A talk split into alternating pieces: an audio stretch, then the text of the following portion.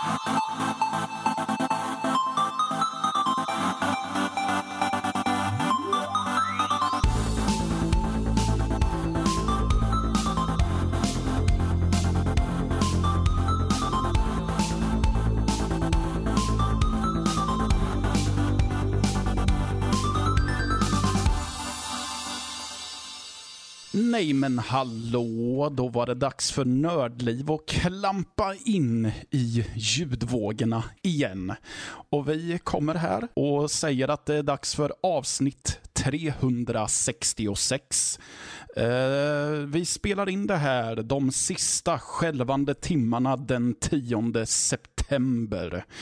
Eh, och eh, jag heter Mattias och med mig har vi Fredrik och God dag. Och Joel. Hej, hej, hej. Ja, hur är läget en afton som denna? Ja, men det är bra. Katterna är matade. Jag är Mm. Inte matad, men det Nej. händer efter det här. Vi måste ju mata dig också Joel. Vi måste Ja, ja, jag vet, jag vet. Men skill- skill- den stora skillnaden är ju att jag inte hoppar omkring och skriker på er om jag inte har mat. En. Eller? Än. Får vi se. Efter, efter någon timmes 30 poddinspelning. minuter in bara vad är det? Joel, han har inte fått mat på länge. Ja, Ja, ja. och det, jag utgår från att läget är bra med Fredrik också, för han bara sprudlar av härlig energi tycker jag. Absolut. Jajamän, tummen upp och allt. Yes, vi har som brukligt lite nyheter som vi har plockat med oss och sen så kommer vi kanske bjuda på lite spel. Det kan vara lite strategi, det kan vara lite sport kanske och eh, lite annat smått och gott. Men till att börja med ska vi ju... Eh, jag vet inte vad jag var ute efter där. Jag tänker att innan vi börjar leka nyhetsredaktion och allt vad det heter så tänker jag att vi leker lite. Så jag har förberett en köp, hyr eller kasta åt fanders. Oh.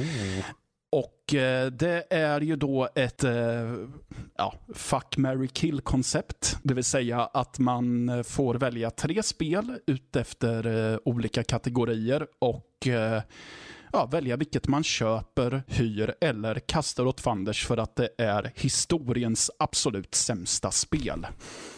Så, jag har tre kategorier som ni kan välja på. Vi har till apostlahästarna vi gå. M- med äldst mus och handrörelser. Eller skadade trumhinnor och dammig plast. Jag tycker Joel får välja. Alltså, alltså det var, det, jag, jag känner mig så lurad för jag trodde verkligen du hade liksom ordentliga kategorier där innan du presenterade konceptet. Eller, förlåt, Jaså? jag kanske inte ska dissa dina kategori, din kategorisering nu. Jag känner mig bara lite... Ja, sorry. Eh, jag menar, eh, nej men det där med mus och handrörelser kanske. Det, vi, den sån tar vi, en sån tar vi. Ja, en sån tar vi. Då så. Då får ni välja mellan spelen Blade Runner, Okej, ja. Mm. Gamla PK-klicka. mm. The Longest Journey Oh, ja. Okej, okej. eller Sanitarium. Ja, just det. Mm. ja, vänta här nu, det är den. Mhm. Ja. Hmm. Yes. Vem har lust att börja? Jag kan börja. Ja, Fredrik. Okej. Scenen är din. Yes. Jag kommer ju köpa Blade Runner. Jag Mm. hade, det, det ligger mig varmt om hjärtat som serie och spelet tyckte jag väldigt mycket om. Jag äger det i Big Box till och med. Ja. Eh, Jag skulle eh, hyra Sanitarium, för det var faktiskt, eh, där körde jag när det begav sig. När det kom Mm. ut, faktiskt. Ehm, man vaknar upp och inte vet vem man är eller vad tusan det var. Precis. Precis Och så. så oundvikligen så kastar vi det här The Longest Journey, för det, det är ju uppenbarligen avskräde bara för att något måste vara avskräde.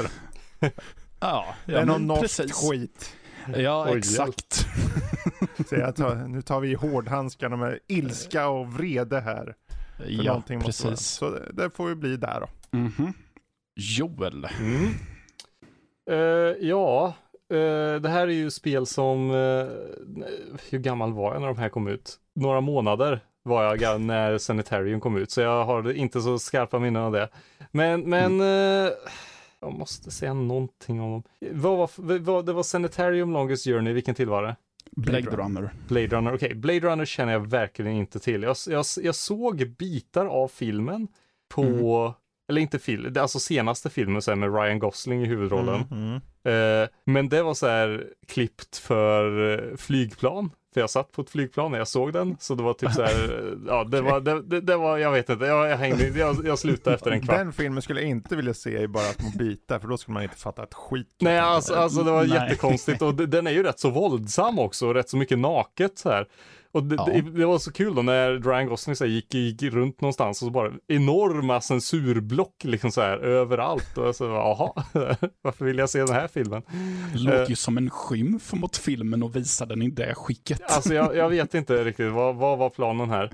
Eh, men baserat på det jag ser så tycker jag väl att The Sanitarium tror jag det är det jag skulle köpa. Mm. Eh, Longest Journey, ja, jag vet inte riktigt. Jag har inte jättemycket kvar för så här äventyrs peka klicka spel. Det är en svag genre för mig. Så den tror jag kastar åt fanders. Och eh, sista alternativet som jag glömde nu igen, Blade Runner. Blade Runner, det hyr jag och så ser jag Mm. filmen ordentligt innan jag spelar det. Ja. Hmm. Mm. Ja, då är det ju jag kvar och det är ju... Ja. För mig är det ett jättesvårt val för att det är min genre där. Men Mm. hmm, jag tror att jag köper Blade Runner. Jag hyr Sanitarium och kastar The Longest Journey. Herrmapan. Ja, jag vet. Men The Longest Journey, är, det, det är ju ett väldigt långt spel. Jag tycker om det, men det är... Ja, ja, ja, Varav namnet. Ja, Mm. precis. Eh, exakt så. 22 år Yes. sedan det kom. Jesus Jajamän. Christ. Mm. Eh, vill ni köra en till eller vill ni gå vidare till lite Jag mer? tar gärna eh, en till. lite Ja, en till. Ja. Och den här gången får Ja. Fredrik välja kategori. Ja. Du kan välja mellan till apostlahästarna vi gå eller skadade trumhinnor och dammig plast. Båda låter ju så här, åh, jag vill ju höra båda, men vi tar den första där, apostlahästarna eller vad det var. Yes, absolut. Mm. Då så. Då får ni välja mellan spelen What Remains of Edith Finch, Okej, ja. The Vanishing of Ethan Carter Mm. eller Everybody's Gone to the Rapture. En ska köpas, en ska hyras och en ska kastas i soporna och s- mänskligheten ska Vad glömma var det dess sista där, existens. Everybody's Gone to the Rapture. Var det den ja? Och vilken var den första? What, Remains of... Edith Just Finch. just det. Ja. Mm. ja, men jag tror jag är redo. Jag är redo. Eh, Jag köper The Vanishing of Ethan Carter. För när jag spelade, då var jag Gud, jag bara pratar om hur ung jag var hela tiden. Men då var jag rätt så ung eh, första gången jag spelade. Eh, och det gjorde ett rätt så stort intryck på mig. Mm. Eh, just hela den här att man skulle undersöka och hitta saker och så alla hade dött egentligen och spoilers. Eh, Men, eh, men det var, nej, det var ett bra spel som verkligen fastnade. Sen ett spel som jag verkligen vill spela, det är den här What Remains of Edith Finch. Mm. Har hört många bra saker om det, men inte riktigt fått, fått inte hunnit dra fram plånboken, men för en hyrpeng, absolut. Och så kastar vi väl helt enkelt bort eh, everyone, everybody's gone to the rapture. Ja. ja, ja. Så kan det väl gå. Ja, Vad säger Fredrik då? ja, det är en bra fråga. Får se, What Remains of Edith Finch? Är det där man går runt i ett hus bara och kollar på foton och sånt va? Eh, Så är det folk är låter... borta. Ja, vad du det, jag, jag tror att det är en sån bit, men det låter också väldigt mycket som att du beskriver Gone Home. Ja, det kanske jag gör. Mm. Ja, Då vet jag inte ens om jag har kört. Jag tror inte jag har kört någon av de här nästan. Jag, jag har kört The Vanishing of Ethan Carter i typ fem minuter och sen bara, nej jag orkar inte. Everybody's Gone to Rapture tror jag sett lite på. Så jag, Mm. jag kommer väl få säga, ja men om jag ska välja någon, jag, skulle, jag är nyfiken på den här What Remains of Edith Finch. Jag tänker jag köper den då. Mm. Eh, och sen så tänker jag, men jag är nyfiken på den här Everybody's Gone to the Rapture. Jag har hört gott Mm. om den. Jag skulle hyra den och kasta Vanishing of Ethan Carter för det verkar, jag vet inte, det verkar tråkigt. Ja, okej. Bara, det var bara jag går bara på magkänsla så här. Det, Ja, ja. Ja, jag fortsätter ju på min eh, linje att jag kopierar en av de tidigare talarna. Mhm. För jag tänker att jag köper The Vanishing of Ethan Carter. Jag hyr What Remains of Edith Finch och jag kastar Everybody's Gone to the Rapture. Det är ju så kallade walking sims, de här tre. Och Det är därför jag anled- skippade dem. Jag Ja, tänkte, men precis. Jag, jag kör dem imorgon tänkte jag. Och Ehm. sen så körde jag inte imorgon och så körde jag. Och Ja. Anledningen till att eh, Everybody's Gone to the Rapture kastas för min del är ju för att de andra två försöker ändå få in eh, spelelement i sina vandringssimulatorer och öka interaktiviteten mer. Och då skulle jag också Everybody- kasta Everybody's Gone to the Rapture när du säger med, med facit i hand. ja. Yes, Okej, vill ni gå ja. vidare eller? Ja, vi kan väl gå vidare. Ja, då gör vi det. Um, ska vi ta elefanten i rummet först eller? Det var ju ett Ubisoft Forward precis eh, innan Ja, vi... Du tänker på nyheter eller? Ja, nyheter ja. Yes, yes. Precis. Vi går in på nyheter, men jag tänker att vi inleder med eh, Ubisoft Forward som, eh, ja, de eh, avslutade för några minuter sedan Mm. ungefär. Yes, där de eh, ja, lite så här, eh, säger hur läget är hos dem. eh, Visar vilka green screen scenerier de kan framställa. Ah, de, eh, de bjuder på en, en orgie i franska accenter och visar nya trailers, teasers Mm. och allt vad det heter. Ja. Eh, ja, vad har vi att säga om den?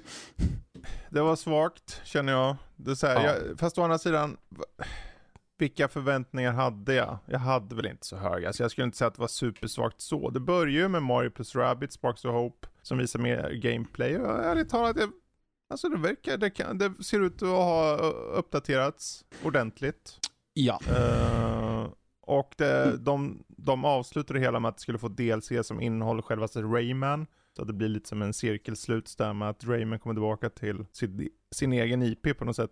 Ehm, annars för min egen del, de, de, prat, de avslutar med den här showcasen med Assassin's Creed. Och eh, där så var det egentligen det stora att de utannonserade två stycken kommande spel main, i main-serien som heter Assassin's Creed Codename Red som är i feodala Japan och sen Mm. Assassin's Creed Codename Hexe som de inte sa något om. Man fick se en väldigt kort liten screenshot eller något. Jag skulle tippa Ja. på Salem och häxjakten. Ja, jag förvirrades mest bara av den utannonseringen och det faktum att de inte ens sa någonting för att stilla den förvirringen för mig. Vad var du förvirrad över? tyckte Nej men alltså jag förvirrades över eh, om det, jaha, ska de producera två spel samtidigt eller vad är det frågan om egentligen? Ja, ja, men det, Och, gör de, eh, det gör de ju jämt. De har ju Ja, jämt jo, två, tre igång. Jo, absolut, men det brukar de utannonsera samtidigt. För det var som att eh, ja, men de, de producerar två spel samtidigt och det Mm. känns...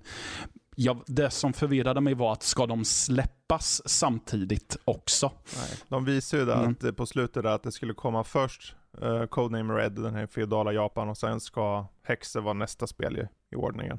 Jaha, det var så det var. Ja. Och, och jag tror mycket varför de gjorde så här är egentligen bara för att visa till aktieägare, om jag ska vara så eh, tråkig. Ja.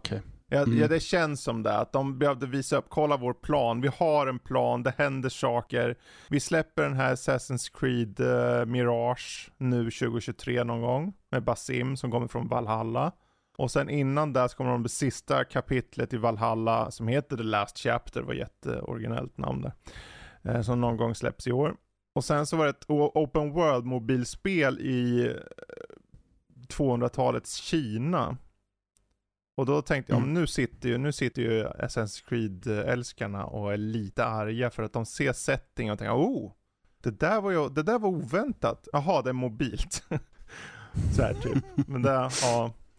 Men jag tror vad, Ja. vad din förvirring kanske framförallt kan eh, komma ifrån är ju det så kallade Ace, eh, Assassin's Creed Infinity. För den Ja. saken är märklig. För de, de snackar om att den skulle vara ett, en genväg in i de kommande storspelen efter Mirage. Men också att den skulle stå till grund som multiplayer-aspekter. Hur det fungerar vet jag inte, men som det verkar som kommer det vara en portal efter Mirage. Där du först får då Codename Red, alltså vad nu det heter, det här feodala Japan-spelet. Och förmodligen köper du det i den portalen. Men å andra sidan, de har ju Ubisoft, vad heter den, Uplay eller Ubisoft Eh, Connect? ja, ja, Är precis. inte det redan vad det är? Jag fattar inte varför de ska ha, jag vet inte, då är det någonting med moduler eller något man köper till, kanske. Men, Ja, men, ja. ja, men det är ju nämligen så här då, att på Ubisoft, där tar de liksom valfri tidsålder och så stoppar de in det i den här Assassin's Creed-maskinen. Mm. Och så kan då aktieägare och andra nyfikna om man vill eh, ta del av den äkta Assassin's Creed-upplevelsen genom att ha en trailing mission där de följer det här spelet som går igenom hela den här maskinen och liksom paketeras in och så kommer det ut en färdig produkt där på slutet. Crafting Eh, Survivor blir det på också då. ja, nej men precis, precis. Nej men eh, alltså jag fattar inte heller riktigt den här portal Nej. grejen. Men, men, men det kan ju vara någonting liksom. eh, Jag försöker minnas om det inte är något annat spel som har gjort så, liksom att man bara kombinerar typ alla spel och kan eller, eller jag kanske bara tänker på, vad heter det, Total War, Warhammer-serien har någon Mm. sån sak. Alltså inget en portal riktigt, men att gamla spel bygger vidare på nya spel. Alltså du, du för att kunna spela till exempel i Total War Warhammer 2, det finns det Mortal Empires, men för att spela det spelsättet, då måste du ha Total War Warhammer 1. För Mm. det tar massa data därifrån. Och grafik och annat liksom. Eh, så det kan ju vara någon sån sak. Alltså att man ska, om det nu, för om du pratar just så här multiplayer-funktionalitet, då kanske man kan spela som eh, Project Red Assassin-personen och sen någon framtida Assassin-sak. Mm. De är luddiga. Det, Ja. jag, jag kollar Ja. här vad de har själva beskrivit det som. De skriver så här att uh, Assassin's Creed Infinity är en ny plattform och ett nav som kommer fungera som framtiden in, inom situationstecken för Assassin's Creed-serien. Där kommer du då ta eh, del av det här Shinobi-spelet i feodala Japan. Och sen längre fram då uh, Hexe, eller vad tusan den hette. Mm. Eh, och vad, vad, ett nav och en ny plattform, det låter luddigt. Och det är luddigt för vi vet ju inte än uppenbarligen. Vi sitter ju här och bara gissar vad det är för något. Verkar som att de knappt själva vet vad de har Jag, jag tror bara att de i, i sin mån om att inte säga för mycket så Mm. sitter folk bara som frågetecken. Det Ja. vi vet och det som är viktigt egentligen, det kommer ett main-spel och det är då i det här feodala Japan. Och jag tror det, det, det är ju där vi har väntat på. Jag skulle tippa på 2024 om man ska gissa. Mm. Eh, om de ska ha en bra, konsekvent eh, releaser av liksom spel. För om Mirage släpps nu 2023 så behöver du ha något året efter. Eh, för Mirage kommer ju vara en, det är ju en, mer av en spin-off än uh, tänk, ehm, ja ungefär som Far Cry New Dawn var för Far Cry 5. En Ja, mindre eller- del. Fanns det inte ett Assassin's Creed-spel som hette typ Freedom Cry eller något sånt som också var typ ett, eh, som ett kortare mellanspel? Jo, Ungefär. jag tror det. De Ja. har gjort en del sånt. Jag tror det är ett sånt Mm. spel så till och med om du frågar Danny bara, men du Danny, hur var det med här Assassin's Creed Freedom Cry? Så kommer han bara, nej men det finns inte. Vad pratar du om? Vad är det? Går det ett? Mm. Ja. ja. Ja. Nej men, eh, Ja. Ja, alltså i övrigt eh, på det här eventet så det var ju inte vi fick ju inte några nya titlar Nej. direkt, utan Mm. det var ju bara uppdateringar på sånt som vi redan vet är på Mm. gång. Är det. En uppdatering Ja. jag blev lite taggad på, det var när de visade upp den nya Skull and Bones-trailern. mm. Ja, jag vet inte, men någonting i det så här, Sea of Thieves i all ära, men det där, Sea of Thieves verkade bra och sen så kom liksom Microsoft med sina kladdiga händer och så, ja, jag vet inte vad som hände riktigt där, men det var ju väldigt, väldigt tomt vid release. Eh, min, och jag minns hur liksom det var inte så mycket som hände. Sen vet jag inte, det var, jag måste erkänna, det var ett långt tag sedan jag spelade. Så det kan hända, ha hänt jättemycket nu. Men Skull and Bones Mm. hoppas jag också, alltså jag vet inte varför, men det är någonting med pirater och dataspel som får mig att Mm. vilja ta fram plånboken. Vilket kanske inte är så bra. jag, är, jag, är Mm. lite, jag är lite så här någonstans i mitten vad gäller det här. För de visade upp det nu, man kunde liksom uppgradera kanoner, man kunde välja kanoner. Det var ganska så här granulärt, liksom, lite mer detaljerat så. Och du kunde ändra båtar och allting. Och jag tänker så som de har sagt det som, att du ska kunna köra i singel och du ska kunna köra med kompisar. Och då, tänk dig själv om du kör, du har en båt och så har dina två polare har varsitt fartyg och ni åker runt och bara attackerar liksom någon så här konvoj eller någonting och bara tar och lotar dem och åker i land och gömmer en skattkista och får lite sköna uppdrag. Till skillnad från Sea of Thieves som är samma uppdrag hela tiden. Döda den här skelettet på den ön 4000 gånger om och om och om igen. Så är det kanske lite mer, kanske till och med story i det här. Jag hoppas det. De verkar Ja. ha det på ursprungliga trailern. Ja, men precis. Det ser eh, in- involverande har jag antecknat att jag tycker att det Mm. ser ut att vara. Um, nej, men I och med att du kan eh, verkligen skräddarsy dina skepp, verkar det som. Ja. Hur du vill ha dem. Eh, de berättade också att det från dag ett kommer att vara crossplay, så att man kan spela tillsammans med sin... Om man sitter på Precis. PC kan man spela med sina konsolkompisar och det är ju också eh, helt rätt med den här Mm. typen av spel tycker jag. Verkligen. ändå. Och det är ärligt, det är inte alla som klarar att göra det. Det är inte alla som har spel som från start klarar det. Så att Nej. ha crossplay, det tycker jag är ändå starkt. Sen får vi se hur väl det faktiskt funkar i slutändan. Men ja, Mm. annars, en sak som jag tänkte på på det här eventet som jag var lite såhär, ja, det är en liten grej, men Netflix var ju med på ett hörn och de har ett spel som heter Valiant Hearts 2. Och då kanske man undrar, vad är Valiant Hearts?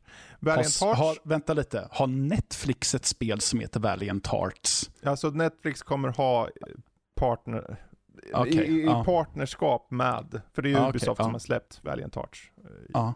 Ja. Så att eh, Valiant Hearts var ett ganska hyllat spel när det släpptes. Det är ett första världskrigsspel som Mm. eh, ganska fint och, och en bra story och så. Men att det försatt, förlagt nu på Netflix när det nu kommer en uppföljare, det är bra synd faktiskt. För jag tyckte jättemycket om Valiant Hearts när det kom.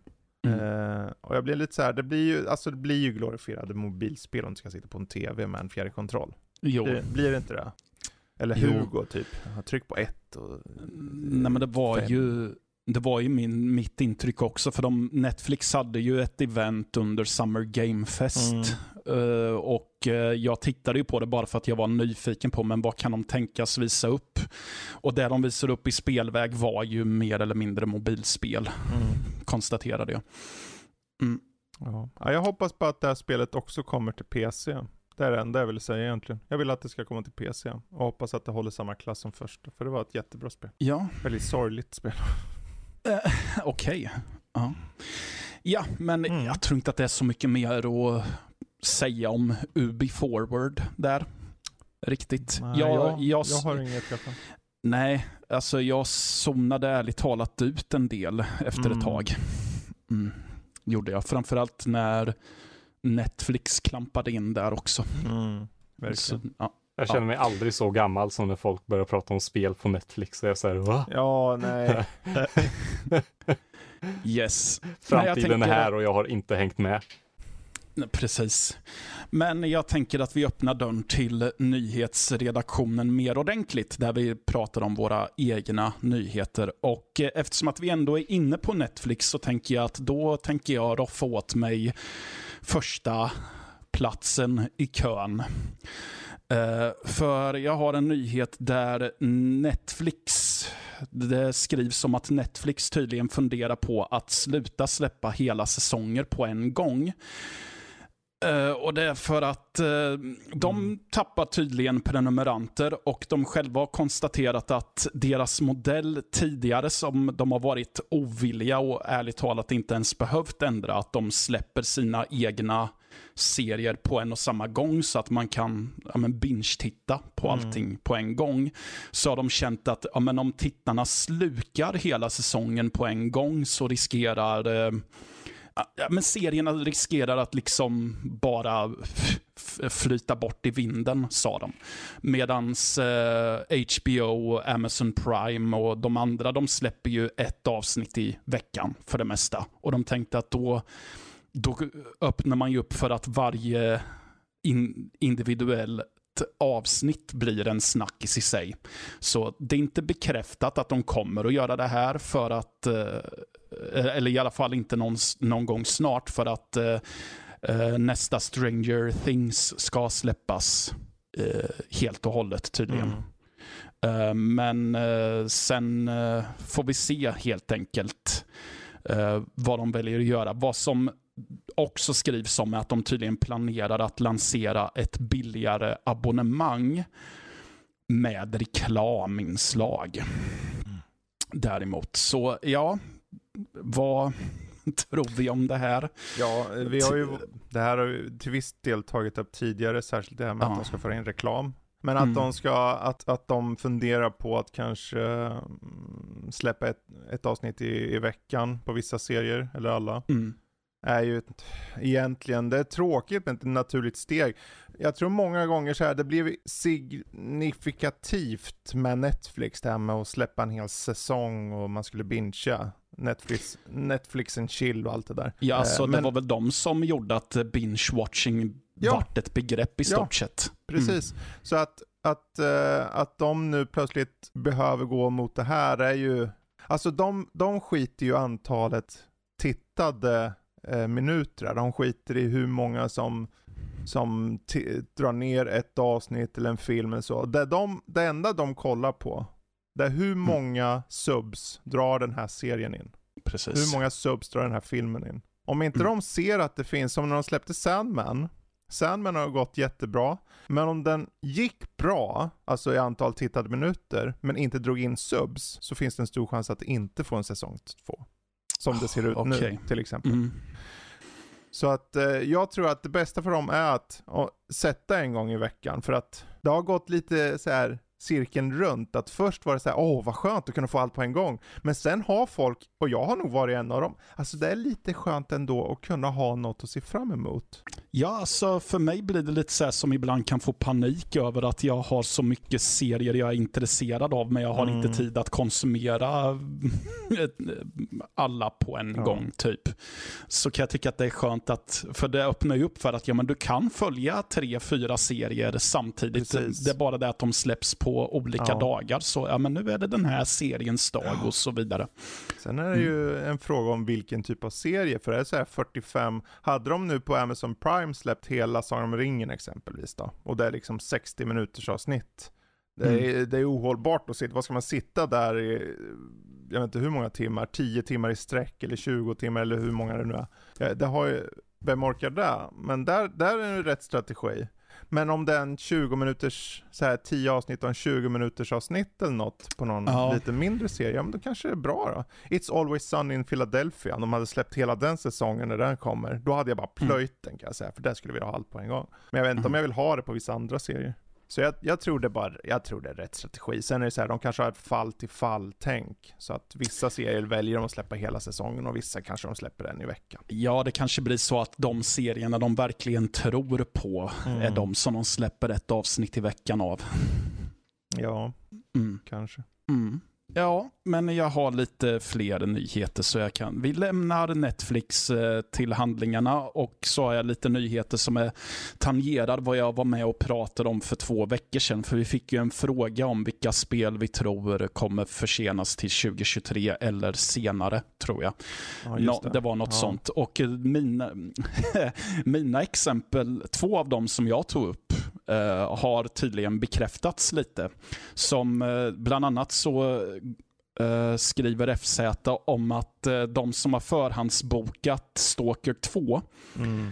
får tillbaka sina pengar för det kommer att släppas på ett ospecifikt datum i framtiden. Mm. Vilket betyder att ja, men tekniskt sett kan 2023 fortfarande gälla, men troligtvis snackar vi ännu längre bort eftersom att de nu ger tillbaka pengarna till de som redan har betalat dem. Det är, det många, är, det är många spel som skjuts på och det är många gånger man sitter så här. nu på sistone har det varit så här, oh, ett till spel, jag är så trött på det. Men det finns mm. ett undantag, det är Stalker, för om det är någon studio som har full så här, om, ja, det är helt okej, ta den tid ni behöver, ni är ju i ja. krig för fan. Ja, de okej. har ju de har förflyttat utvecklingen från Ukraina av väldigt rimliga skäl till Prag istället. Mm. Men det är väl inte helt lätt att bara flytta ett Nej. spelprojekt från ett land till ett annat fortfarande, tänker jag.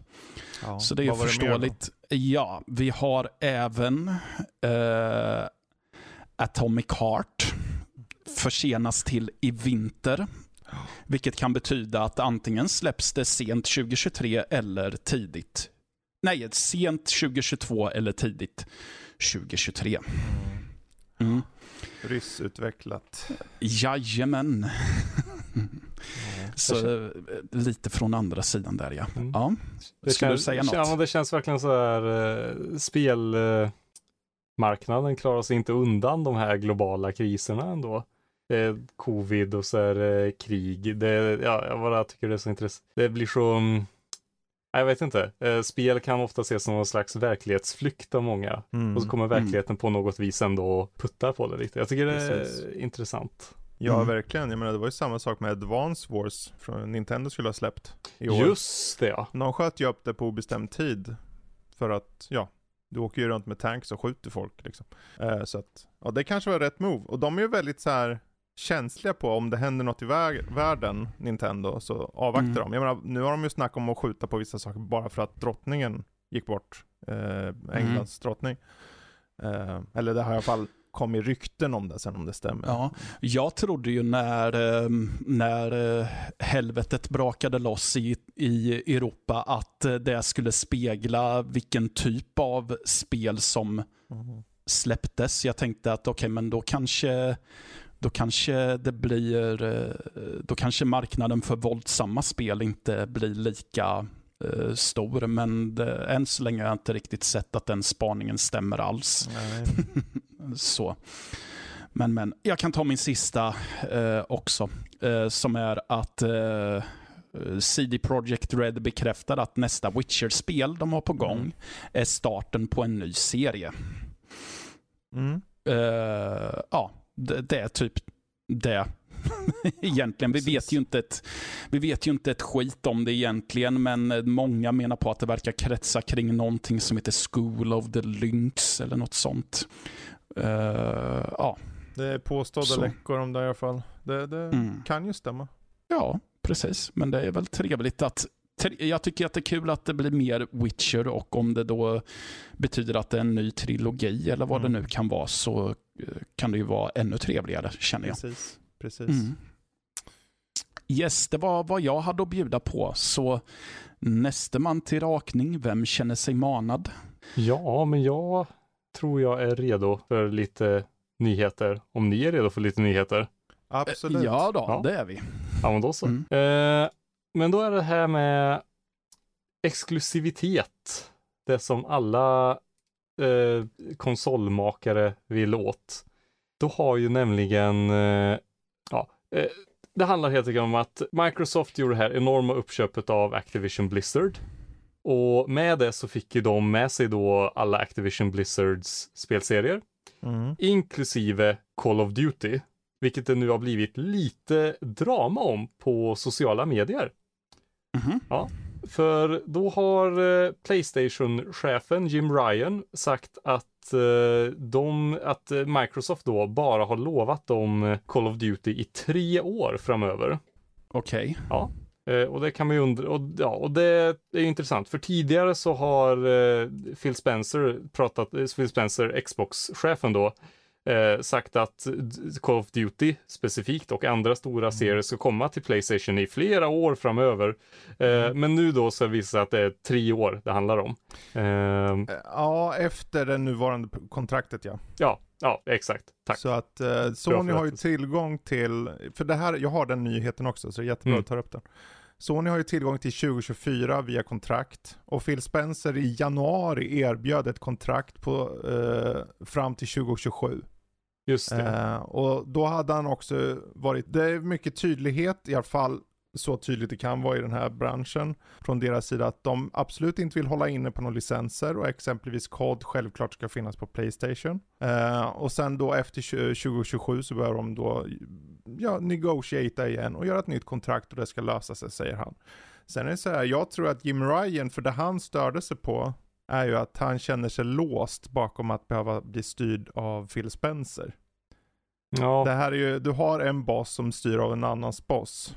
mm, Eh, och det ser inte bra ut. nej, för det jag tycker, internt. nej, det jag tycker är intressant nu, det är ju, och det, det, är att, det är att det kommit just ändå hamnat på så att eh, vi vanliga dödliga kan ta del av det, för sånt här brukar ju oftast Mm. inte hända, men nu har ju då Jim Ryan tagit till sociala medier Mm. och fått lite reaktioner och saker har sagts och saker har hänt. Mm. Och då kommer jag ju självklart med min egna förberedda hot take på det här.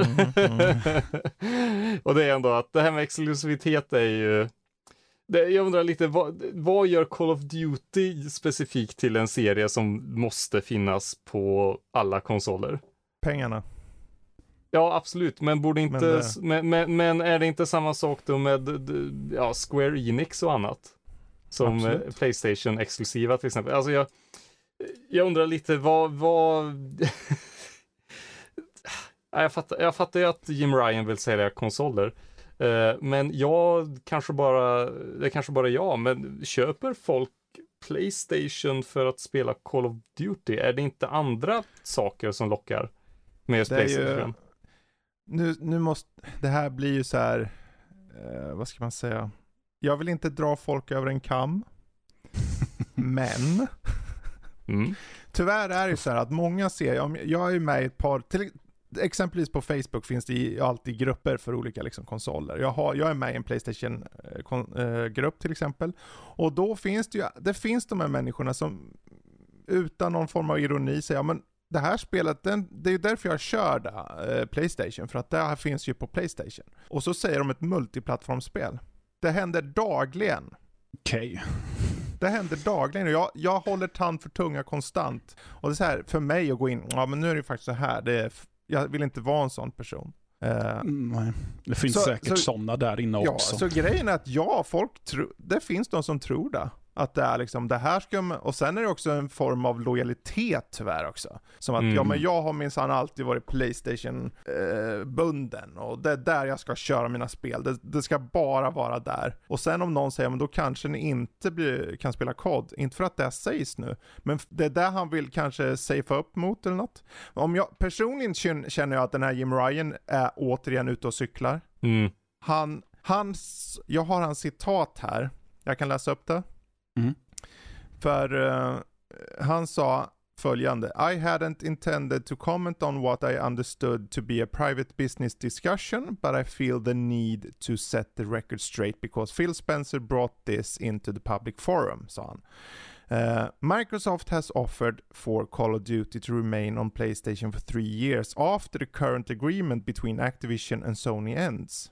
After almost 20 years of Call of Duty on PlayStation, their proposal was ina- inadequate, hur man säger det, on many levels and failed to take account of the im- impact of on our gamers. We want to guarantee PlayStation gamers con- to continue to have the highest quality of Call of Duty experience and Microsoft's proposal undermines this principle. Så uh, här har vi alltså en boss som har varit med och tagit fram de största exklusivitetsavtal som har funnits i spelhistorien, beklagar sig på att, att ett företag som snart förmodligen köper en licens men ändå säger vi kommer inte hålla på den här licensen. Ni kommer få tillgång till det, men ändå har han ont i arslet. Ja. Om Jim Ryan hade köpt kod, Mm. eller rättare sagt Playstation då, Mm. skulle han ha brytt sig vad Microsoft hade sagt om det? Han skulle inte ha brytt sig ett skit, för Antagligen de har gjort inte. exakt samma sak förut. Mm. Så det Mm. här är så dubbelmoraliserande. Det är så, och då får vi säga, Ja. Microsoft hade inte haft de, det finns ingenting som säger att Microsoft måste ha gått till Playstation och erbjudit tre år till. Nej. Men ändå har de gjort det. Mm. Mm. Och då hade de kontrakt till 2024. Hade de till 2027 alltså, enligt det här. Men han känner att det inte, för att det, han kan inte diktera det då. Det, han måste följa pipan efter vad Phil Spencer i nästa negotiation. Och det vill han inte göra för det underminar honom. Jag tänker det är det första gången han drabbas av Något sånt här. Han har eller alltid vad- varit chef oavsett Ja. liksom Ja. vart han har jobbat så har Jim Det Ryan alltid varit chef. skillnaden, skillnaden, Phil Spencer är på, på ett större sätt än gamer. Att han kan i alla fall ha ett lynne på hur man tänker som spelare, hur man, man vill inte bli av med licenser, man, om man är van med Playstation. Och ärligt talat för Microsoft, som jag tror inte Jim Ryan bryr sig, för honom är det mer en prestigegrej tror jag. Men för Microsoft är det så här, alltså om vi säljer på Playstation så har vi 100 miljoner enheter till att sälja vårt spel, för de kommer äga Microsoft, de kommer äga Activision. Mm. De kommer ju bara tjäna på det. För dem spelar det ingen roll.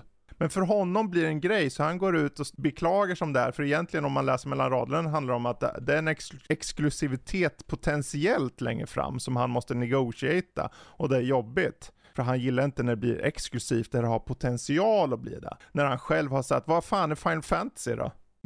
Eller alla de här jävla titlarna som, eh, som ligger under, ja men eh, då så, då kan vi väl släppa Days Gone rakt på Xbox då? Horizon, rakt på Xbox. Gör det då. Mm. Uncharted på Xbox. Ja, så där, han, han, har, han har en pinne upp i röven, det är vad han har, tror jag. Men han är ingen bra boss. Jag tror han bara avskyr sen negotiating meetings här, från oavsett om han ska negotiate Ja. eller om Xbox ska negotiate. Han vill bara inte gå på möten. Jim Ryan avskyr möten och därför så vill han inte göra det här för då vet han, ah shit, möte om fyra år, åh nej. Jag tror han, jag tror han är en sån där väldigt dominerande personlighet, sån där person som Mm. inte har svårt att ta in att han kanske måste vara under någon. För det är ju det, om det nu blir så här att 2027 måste de renegotiate, vad heter det, omförhandla då, så måste han ju, då, måste, då är det ju Microsoft som ställer, okej det här är vad vi säger att det här är vad vi vill ha i pengar. Om ni vill Mm. ha det på er plattform. Vad ska han säga, ja eller nej då? Och då måste han välja ja eller nej. Och säger han nej, då är det miljontals spelare som blir skitförbannade. Och han vet att det är ett helvete. Och han vill inte ha det. Så det, ja, men så är det när det är jobbigt. Han, man ska bara, ja, jag vet inte vad man ska säga. Jag, jag såg den nyheten också, tyckte det var ganska irriterande att han, han kände sig lite ledsen i ögat. ja, precis. Ja. Hade För du någonting fler? han själv har gjort Ja. 40 gånger. Förlåt, fortsätt. Ja, ingen fara. Hade du fler nyheter? Jag har en och den är lite Mm. rolig till skillnad från den här, här eh, exklusivitetsgrejen. Eh, känner ni till rollspelet Drakar och Demoner? Ja. Yes. Ja, han var bra. Det håller ju på och samlar in pengar på Kickstarter nu. Kommer ett nysläpp i 2023. Och eh, då rapporterade Petri Spel om det här i, eh, vad blir det? Det var rätt så länge sedan. Ja, gud, det var inte ens till veckan. Förra veckan, eh, i, slutet, sista dagen i augusti rapporterade de och då hade det spelet fått 4,2 miljoner svenska kronor Oj, kickstartat. vad roligt. Mm. Ja. Eh, ja, och de, eh, Thomas Härenstam som är vd på Fria Ligan. Eh, vi har bland annat fått recenserat böcker av dem. Mm. Eh, ja, han var ju glad att det går bättre att de har förväntat sig och även om vi inte visste att det fanns ett sug för ett nytt Drakar och Demoner har vi fått lite av ett uppsving. Mm. Tycker jag är Kul. jätte, Kul. jättekul. Eh, Verkligen. verkligen. Ja, det är otroligt skoj med svenska rollspel eh, i, överhuvudtaget. Det går rätt så bra. Om man Mm. liksom ja, ska det bara gör dra. ju det. Vad sa Mm. du? Det gör ju det, Ja. sa jag. Nej men Mm. exakt, det, gör, det, det går ju rätt så bra och det är väldigt kul då när man ser att det fortsätter helt enkelt gå bra för specifikt svenska rollspel. Jätteskoj. Verkligen. Mm. Ja, ja, men då så. Då har vi Mr Fredrik Mm. Som ska plocka fram nyheter ur sin Ja. lilla hatt. Innan Ja, det har jag, hatt har jag dock en fråga. Eh, Ja. Fredrik, skulle du säga att du är en Jim Ryan eller en Phil Spencer i ditt träffande här på Nördliv? Oj. Eh, ja, jag vet ju inte hur det är att jobba under dem, så jag vet inte. Men Mm. jag skulle vilja hellre vara Phil Spencer i det att jag åtminstone spelar spel, verkar det som, och så. Mm. Och lite mer öppen. Mm. Ehm, inte så corporate, hoppas jag. Nej, ja, eh, det var fel svar då, för det här var ju då en eh, trickfråga. Man ska säga Reggie på Nintendo. Men eh, Vet du vad, jag tänkte det, men jag kommer inte Ja. på hans namn. jag tänkte, vad hette den där på Nintendo? Ehm, ehm, ja. ja, nej, ja, sorry. Okej, ja men jag har faktiskt inte så mycket nyheter alls. Jim Ryan-grejen tog vi där. Uh, CD Projekt Red utannonserade för övrigt också en ny expansion till Cyberpunk. Mm, just det. som heter Just Phantom Liberty. Och ehm, ja, varför jag tar upp den inte så mycket för att jag är så intresserad av expansionen. Den är för övrigt är någon spionthriller, det utspelar sig ett nytt distrikt i Night City, Keanu Reeves ser man igen och så. Eh, men jag tänker det som varför det var lite intressant att ta upp den är att det blev lite av en snackis på Twitter, eh, i det att folk beklagar sig ganska ordentligt. Och då Okej. tänker man, okej men eh, okej, den funkar ingen bra, men det vet vi ju inte än, för den har inte släppts än. Den släpps till PC, Xbox Series X och S och PS5, alltså inte till de gamla konsolerna. Och det är där folk har beklagat sig på. Men, Och då är det så Jaha. här, okej. Nu, nu får ni ju tänka till där ute lite grann. Så om de hade släppt det här på de gamla konsolerna och det inte hade fungerat igen, vad, vad tror ni ni hade sagt då? Vad tror ni att ni skulle ha sagt? Då skulle ni ha blivit så klappsura så ni har skickat hatbrev till dem återigen. jag så har att- krävt att de ska sitta i fängelse Ja, återigen. precis. Ja. Så att den enda rätta vägen är ju att dumpa, förlåt alla ni som har PS4 och Xbox One, men förlåt, men det måste, ni måste, det måste bort nu. Vi kan inte ha kvar de gamla konsolerna. Särskilt om vi vet att expansionen dikteras lite av upplevelsen. Då kommer du ha x antal spelare som automatiskt kommer bli förbannade. För det kommer inte funka, för det är inte gjort för det. Och de gjorde ett misstag att släppa på de gamla konsolerna.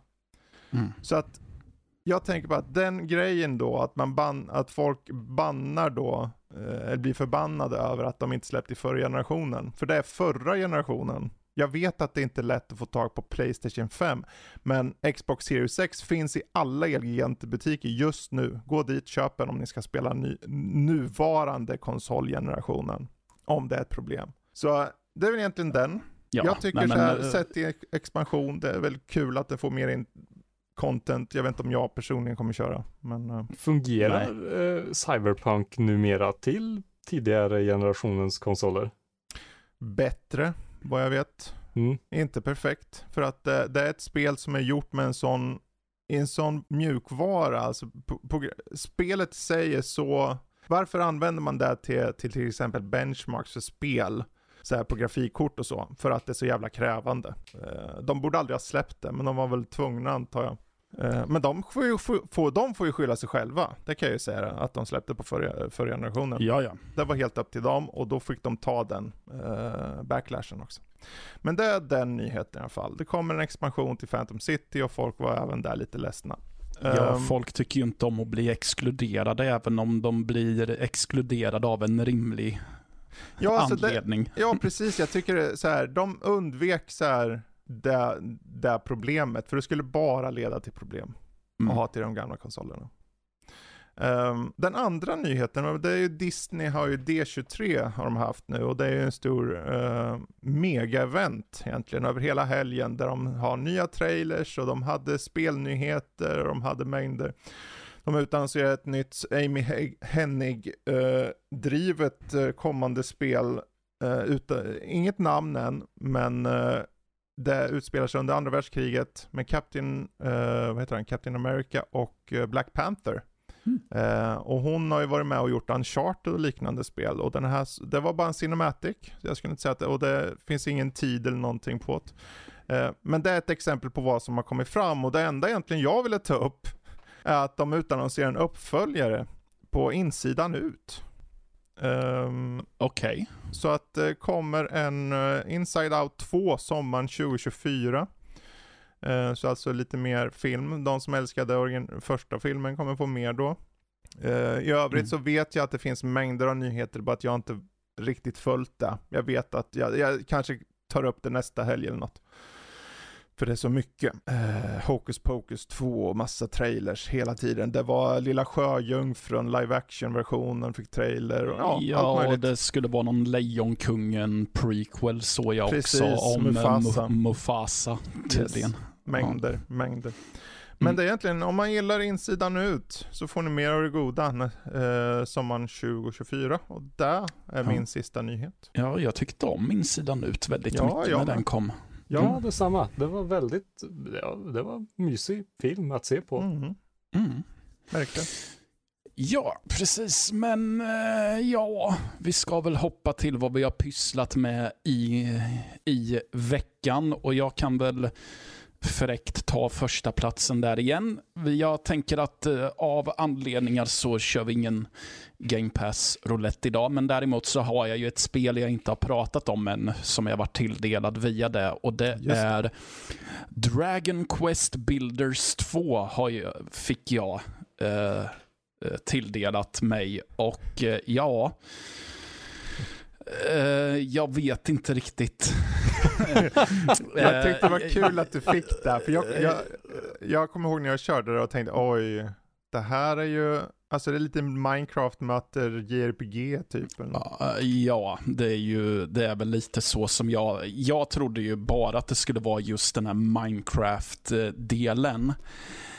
Men det var ju fruktansvärt mycket JRPG. Men jag tänkte så här att, okej, men jag, jag okej, så här. eh, Fruktansvärt ja, mycket JRPG. Ja, Oj. men eh, okej, här, man, spel, man spelar som en karaktär som vaknar upp på ett piratskepp. Man är tydligen någon byggare.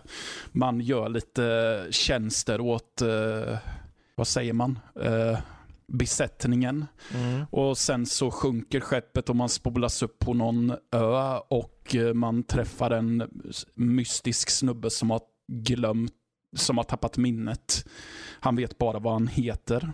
Och, och en tjej som också är uppspolad och hon eh, får reda på att man är en byggare och då ska man bygga ett eh, gömställe åt henne. Alltså Mm. rusta upp väggarna och se till så att det finns sängar och laga mat åt henne också. Tydligen. Vilken slavdriverska. Ja, men lite så. Får du betalt? Ja.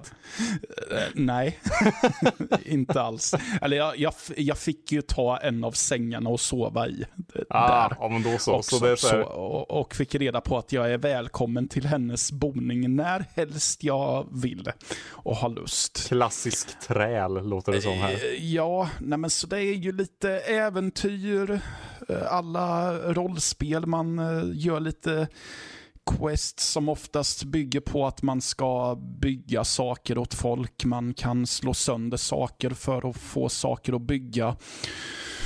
Och man pratar med karaktärer eh, väldigt mycket. Um, alltså jag tycker att dialogen är väldigt rolig i spelet förvisso, men jag vet inte, det är någonting med...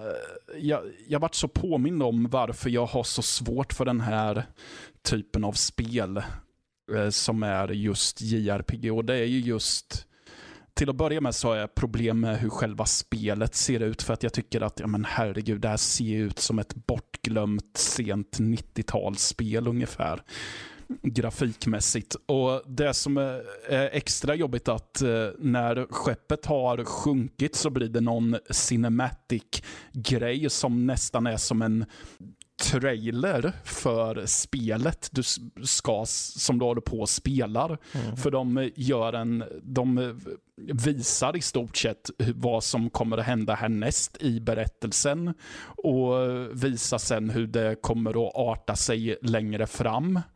Vilket fick mig att tänka så här, för det, då är det vid stora borgar och det är stora monster som kommer och som man ska slåss emot. Och jag tänkte så här att okej, så det kommer ta vid när jag är i en stad. Men nej, det tar vid när jag spolas upp på stranden. Och jag träffar samma karaktär som man träffar i den här eh, mellansekvensen. Det jag skulle komma till är att där är det jättefint animerat istället. Vilket gjorde att jag satt och tänkte, men varför ser inte hela spelet ut så där istället? Varför ska, ska ni ha den här jättefint animerade mellansekvensen och så ska jag spela i den här blockiga, daterade miljön istället? Mm. typ. Nej men och sen, jag har lite, det, det andra problemet jag har det är just det här att just de här spelen verkar ha en sån, att de nästan maniskt måste försäkra sig om att du vet vad du ska göra hela tiden. Så att de även kan förklara knappprompts och grejer som du redan har fått kläm på. Eh, och eh, även som man har en workstation där man bygger skit i. Och även om du har använt den två, tre gånger så är det ändå en karaktär som måste förklara hur du använder en workstation. Och det blir så här, ja, jag vet, jag har gjort det här redan. Och sen är det just att, eftersom att de inte har kommit så långt att de kan ha, i alla fall inte det här spelet, låter det inte ha dialogen under tiden du springer runt och gör saker som många spel har fattat att, ja men vi låter dem prata samtidigt som de springer. Men nej, de här kör ju fortfarande på statiska eh, dialogsekvenser där de står och tittar på varandra och så kommer text som man måste läsa. Och, alltså, eh, jag tror att jag sa det när jag testade det här Ys Monstrum, vad det nu heter, att att det, det flyter på jättebra och är ett kul actionspel i partier, men sen kommer alla dialogsekvenser och det är, att springa med, det är som att springa med huvudet först, rätt in i en tegelvägg tempomässigt. Precis. Ja. Så ja. det jag ska inte säga att det är ett dåligt spel. Nej. Det har sin charm och som sagt, jag gillar humorn i det. Men eh, jag blir så fruktansvärt irriterad under tiden jag spelade så jag kommer nog inte spela längre på det. Och det, ja. Det är kul så, ändå att du tar upp de punkterna för jag täckte ju det här spelet då för en, tre år sedan när det släpptes. Ja. Mm. Och det är typ de punkterna. Det var tempot, jag tyckte inte om, jag tyckte kontrollen var lite plottrig. Jag var så här, men tryck ja. tusen knapp X och sen är det en knapp och håller ner den och sen gör du så och sen ska du bygga och så är det så. Mm. Jag vet inte. Jag körde med mus och tangentbord förvisso. Det är nog bäst väg mm. att gå. Ja, jag, jag tror jag, jag körde det. på konsol tror jag då. Ja. På Playstation. Mm. Men det... Ja, för då funkade kontrollerna i alla fall. Men jag, mm. jag övervägde att byta till eh, handkontroll men kände att nej, nej, nej, det här är ju väldigt, mm. det känns som att det bara skulle vara rörigt. Men, ja. Ja, jag så kommer det... ihåg mest att jag undrar vem spelet egentligen var till för. För att det är djupt om du vill att det ska vara djupt, men samtidigt ja. vill spelet ha en, ha en air av att det är för vem som helst. Mm. Så att kids bara, ja men ta det, för det ser ju väldigt så här barnvänligt ut. Så, det gör det. Lite chibi och så nästan. Mm. Men samtidigt så här, okej okay, om du ska köra som unge så är det så här, men det här känns lite för lite för plottrigt, lite för uh, konstigt tempo. Som ungarna bara, det har tre timmar bara starta upp spelet liksom känns det som.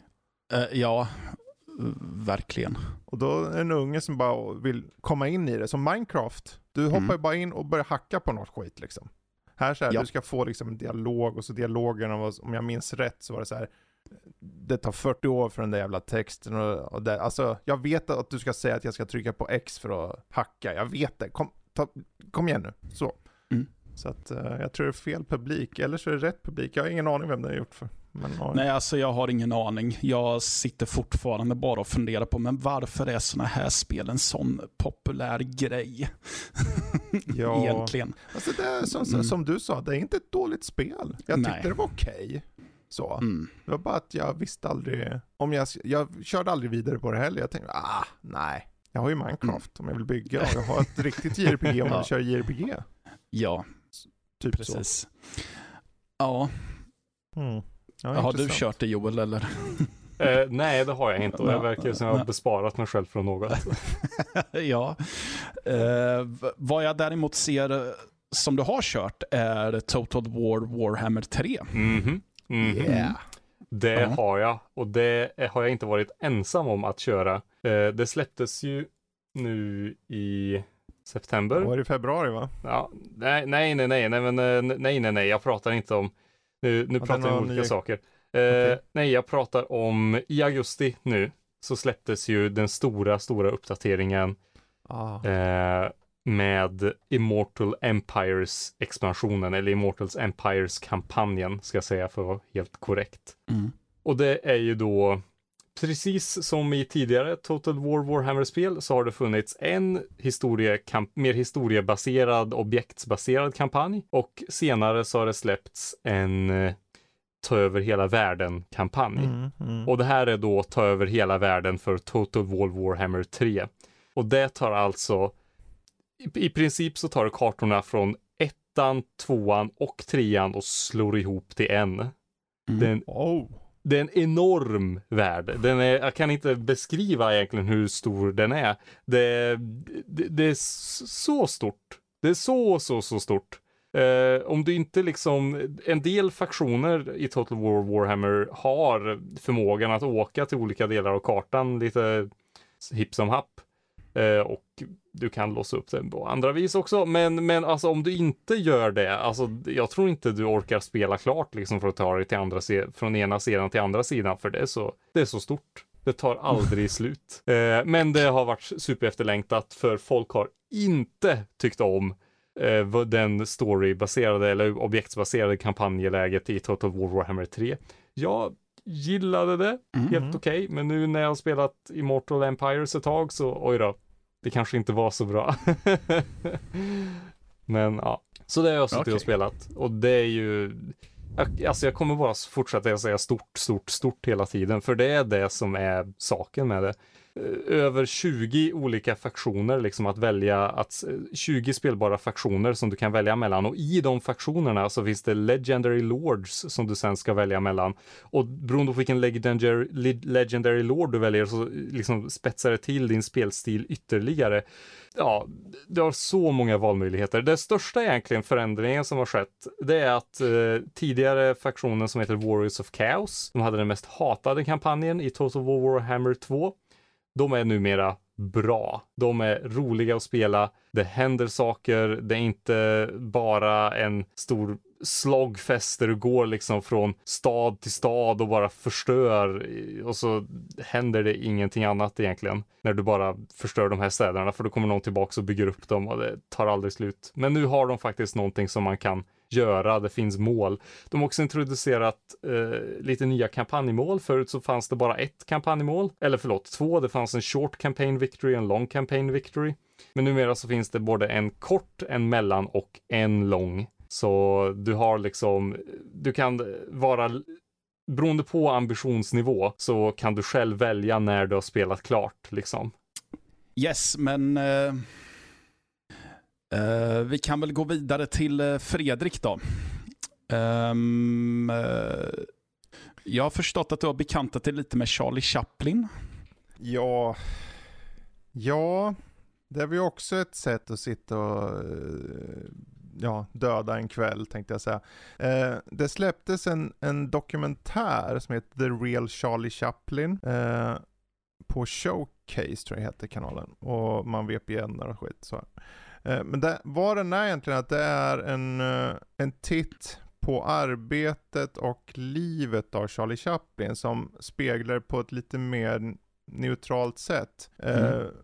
I det att okej, okay, han var verkligen inte perfekt tvärtom. Han var i vissa fall ganska, i mitt tycke i alla fall, lite äcklig. Jag menar hans andra fru träffade han när hon var 12 år. Och de gifte sig när, när hon var 16. Är det hon som heter Ona eller något sånt där? Nej, det är hans sista nej. fru. Nej, just fru. det. Okej, okay, ja. Eh, mm. men det är så här, det finns saker där som så här är iffy om man säger så. Mm. Medans andra aspekter som hans civilkurage eller hur han ställde sig för orättvisor och sånt och Uh, och sådana aspekter gavs mer inblick i hur han var med sin familj och så.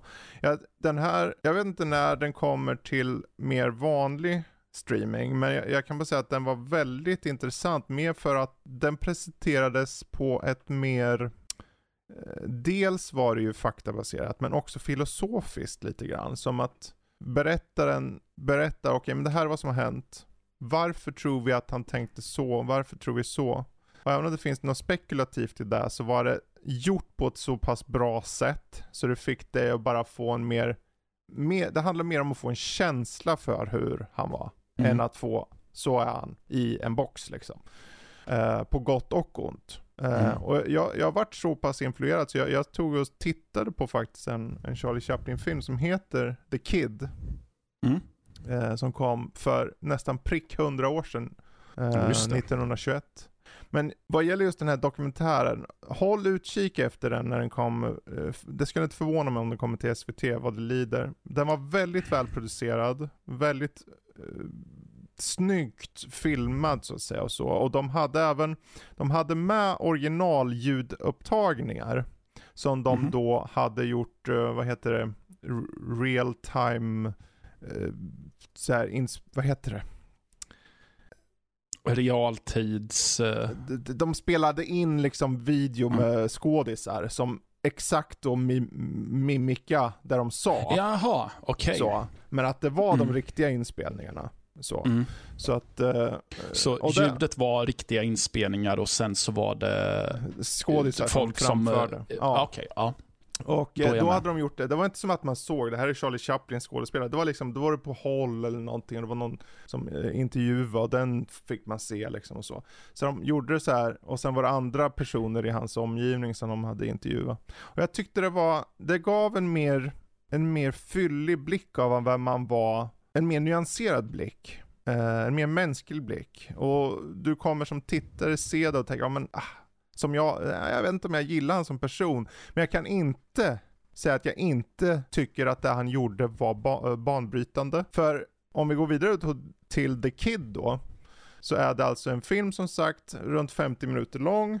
Um, jag, jag fick tag på Criterion Collection-versionen som var en restaurerad 4K eh, alltså tagit så här, de har restaurerat från filmen och så har de eh, gjort det i 4K och sen har de dragit ner det Okej. till full HD. Det var alltså väldigt, väldigt fin då. Och Mm. jag slogs av hur, det är ju det här man ser mer upplöst, alltså det var, påminner lite på ett sätt, du vet Peter Jackson-grejen när han gjorde de här dokumentärerna, att, de, att när de Ja. har vissa partier fixat till, som text som står mellan, du vet när det är stumfilm och så, Mm. eh, när de säger saker, att det är blickstill, att det är mer, mer snyggt liksom, att det är mer eh, professionellt. Så kände jag att filmen faktiskt kom till att växa. För jag ska väl erkänna, jag är ingen så här stumfilms eh, entusiast direkt.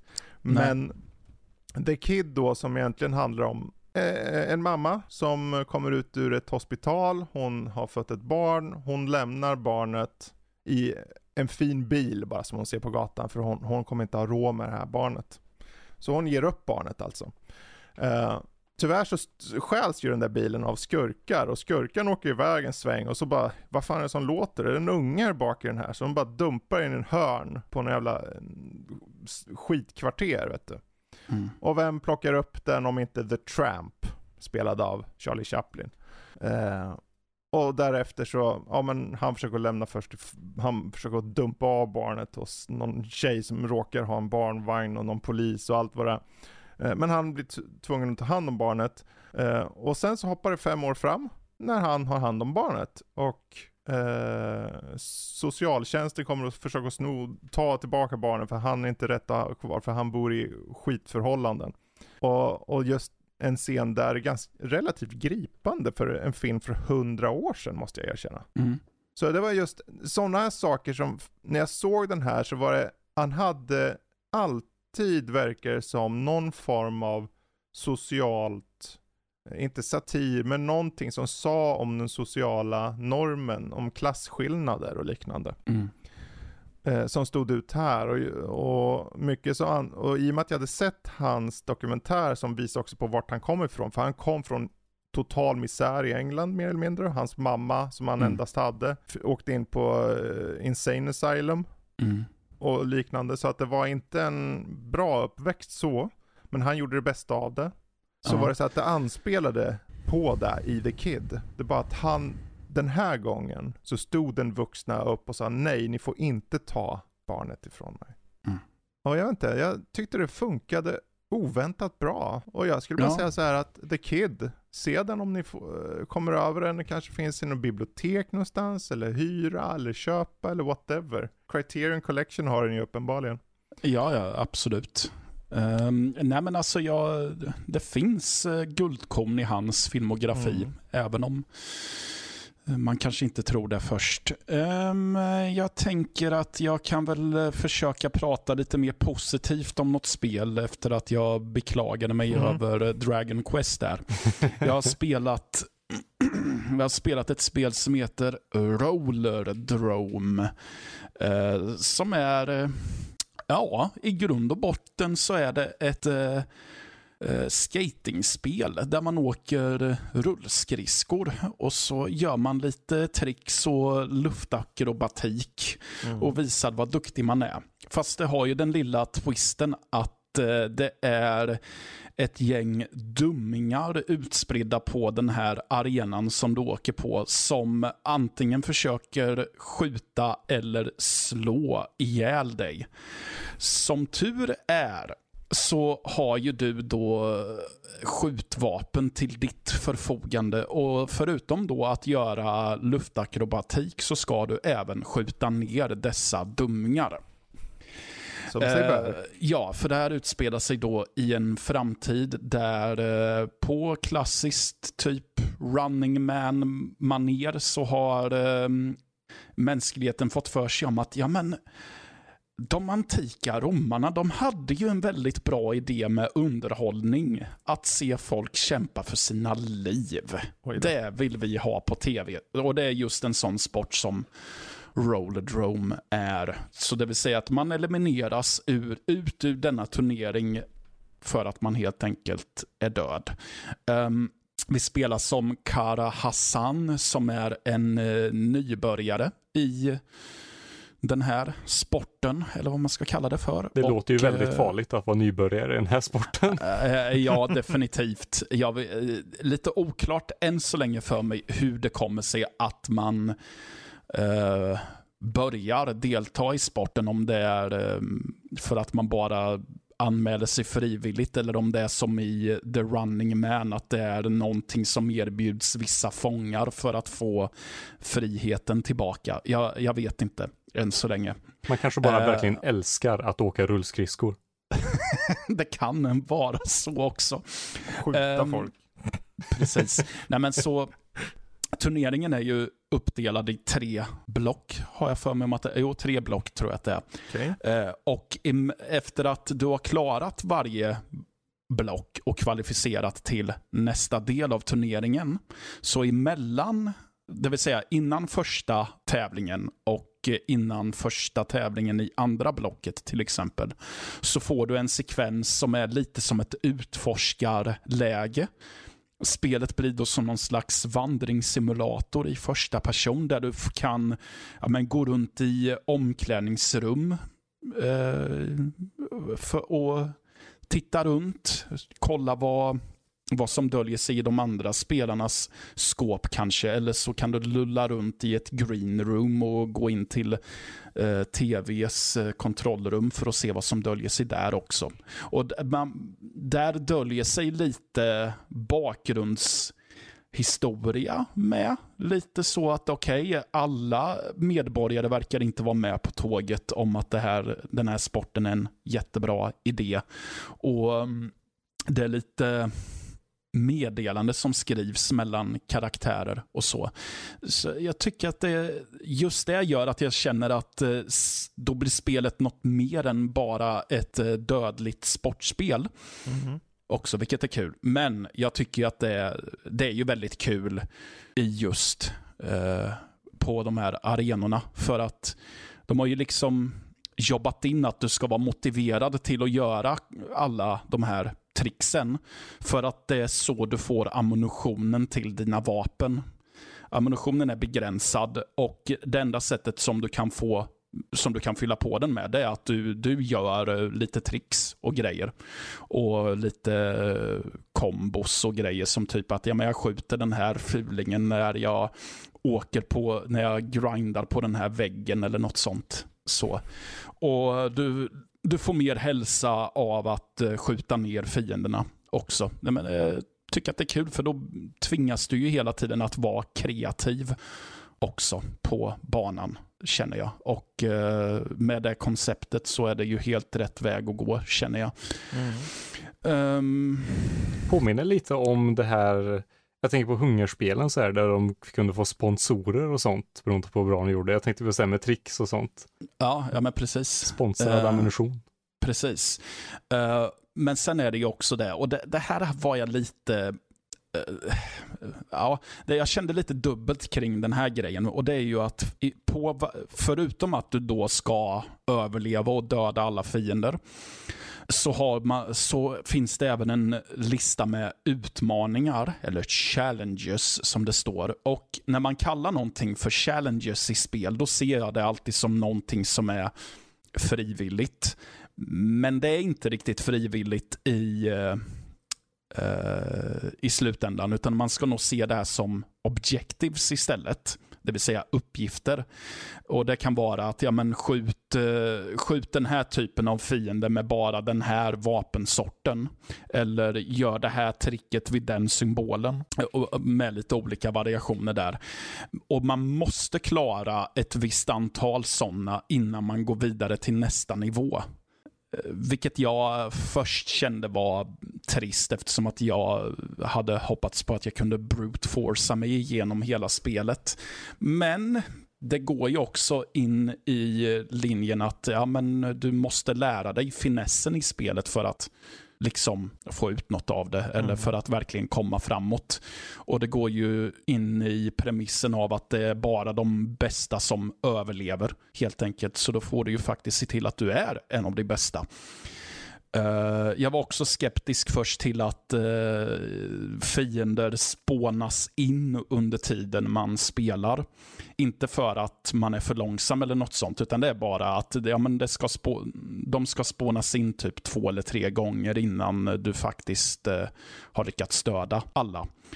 Då vart jag sur först för att jag kände att nej men du spelet nu kör vi inte på lika villkor och då kom jag fram till att ja fast det är väl just det som är poängen. Det här är ju en sport framtagen av en taskig regim som säkert bara vill är ute efter att se mig blöda på marken. Så det är klart att de ska ge sina undersåtar bättre fördelar än mig. Så för att försäkra sig om att jag möter min undergång som är precis det de vill. Egentligen. Så då kände jag att det går helt i linje med deras koncept med att eh, vi inte kör på lika villkor i så mm. fall. Mm. Nej, men Jag tycker att det är ett väldigt kul spel. Det, det, är lite skönt att ha ett genuint bra spel som också inte är så ja, men som inte är mer avancerat än att man också kan ha det som någonting man plockar upp och slår ihjäl lite tid med också. Uh, och Det kan ju först låta som att man uh, bara uh, viftar bort ett spel som att ja, det är ett kul tidsfördriv. Men det här är ju ett tid kul tidsfördriv, men också ett genuint riktigt bra spel. Mm. För det märks att det är väldigt mycket passion som har lagts in i det här. Så, jag tycker om hur det ser ut också. Ja, ja det gör jag med. Det är Rent lite... grafiskt ser det ju väldigt, eh, vad är det, cell nästan? Eller? Ja, eh, precis. Jag mm, kom på det rätt nyligen att just det cell shading är det ju det heter. Men ja, det är precis så man mm. kan beskriva det. Så jag tror att jag, bes... liksom. ja, jag beskrev det nog som en, för jag tyckte att det såg lite ut att det såg lite ut som 90-talets eh, serietidningar också nästan. Mm. Eh, så, så jag tror att det var så jag beskrev det. Men ja, eh, hur som haver, jag rekommenderar verkligen folk att uh, spela där om man gillar spel av olika slag. Mm. Yes. Um, Fredrik. Mm. Uh, vad är Tinykin för någonting? Ja, det kan man ju undra. uh, det kan man undra. För det, man spelar som en liten kille, han heter Milo. Och han är ju så här, jag är en upptäcktsresande. Jag vill ju upptäcka vart vi kommer ifrån, vi människor. För vi bor på planeten, och så kommer jag inte ihåg vad den heter, men det är inte jorden. Det är någon annan planet. Mm. Vart kommer människorna ifrån? Så han, eh, han får möjlighet, hipp som hapt, att eh, resa till eh, en planet som visar sig vara jorden. Men när han kommer fram så har, märker han att han är otroligt liten på den här världen. Mm. Och att eh, tiden står still och att det ser ut att ha stått still sedan 1991. eh, och då tänker man, okej, okay, det är en bra start. Det är intressant, mm. lite udda.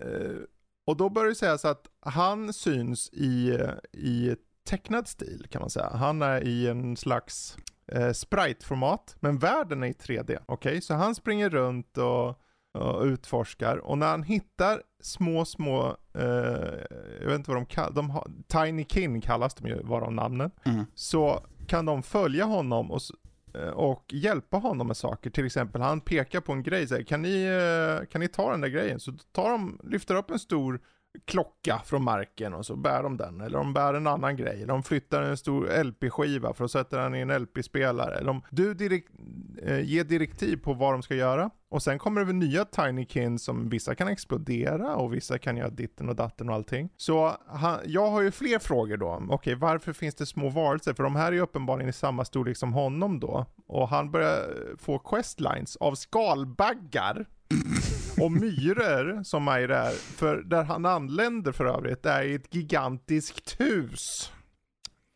Så om ni inte hade frågor innan av det jag sa, så har ni fler nu då. Verkligen. Så vad, det nu går... ja. så vad vi har nu är ett slags Pikmin-inspirerat spel med små uppdrag. Du kör den här lilla Milo när han gör uppdrag. Han har de här Tinykins man kan dir dirigera och säga men du flyttar den grejen, vi behöver flytta hit, de här behöver spränga den grejen. Och sen så träffar han på små skalbaggar och små insekter och säger du vi behöver hjälp, jag letar efter mina, bla bla bla och så här. Och så blir det som pusselgrejer då, det är ett pusselspel med plattformande helt enkelt. Och just den här variationen av att karaktärer är sprites typ, ganska snyggt animerade. Och världen är lite så här, den är inte fullt on realistisk, men den är betydligt mer realistisk i alla fall. Uh, i 3D gör att det är en ganska snygg art style de har valt. Så att jag vart så här, jag ville bara testa för att starta, liksom känna av det så, för jag har hört lite om det. Mm. Uh, men att när du springer runt av typ hundra små Tinykins som springer efter och så säger du flytta den där flaskan och bara flyger bort.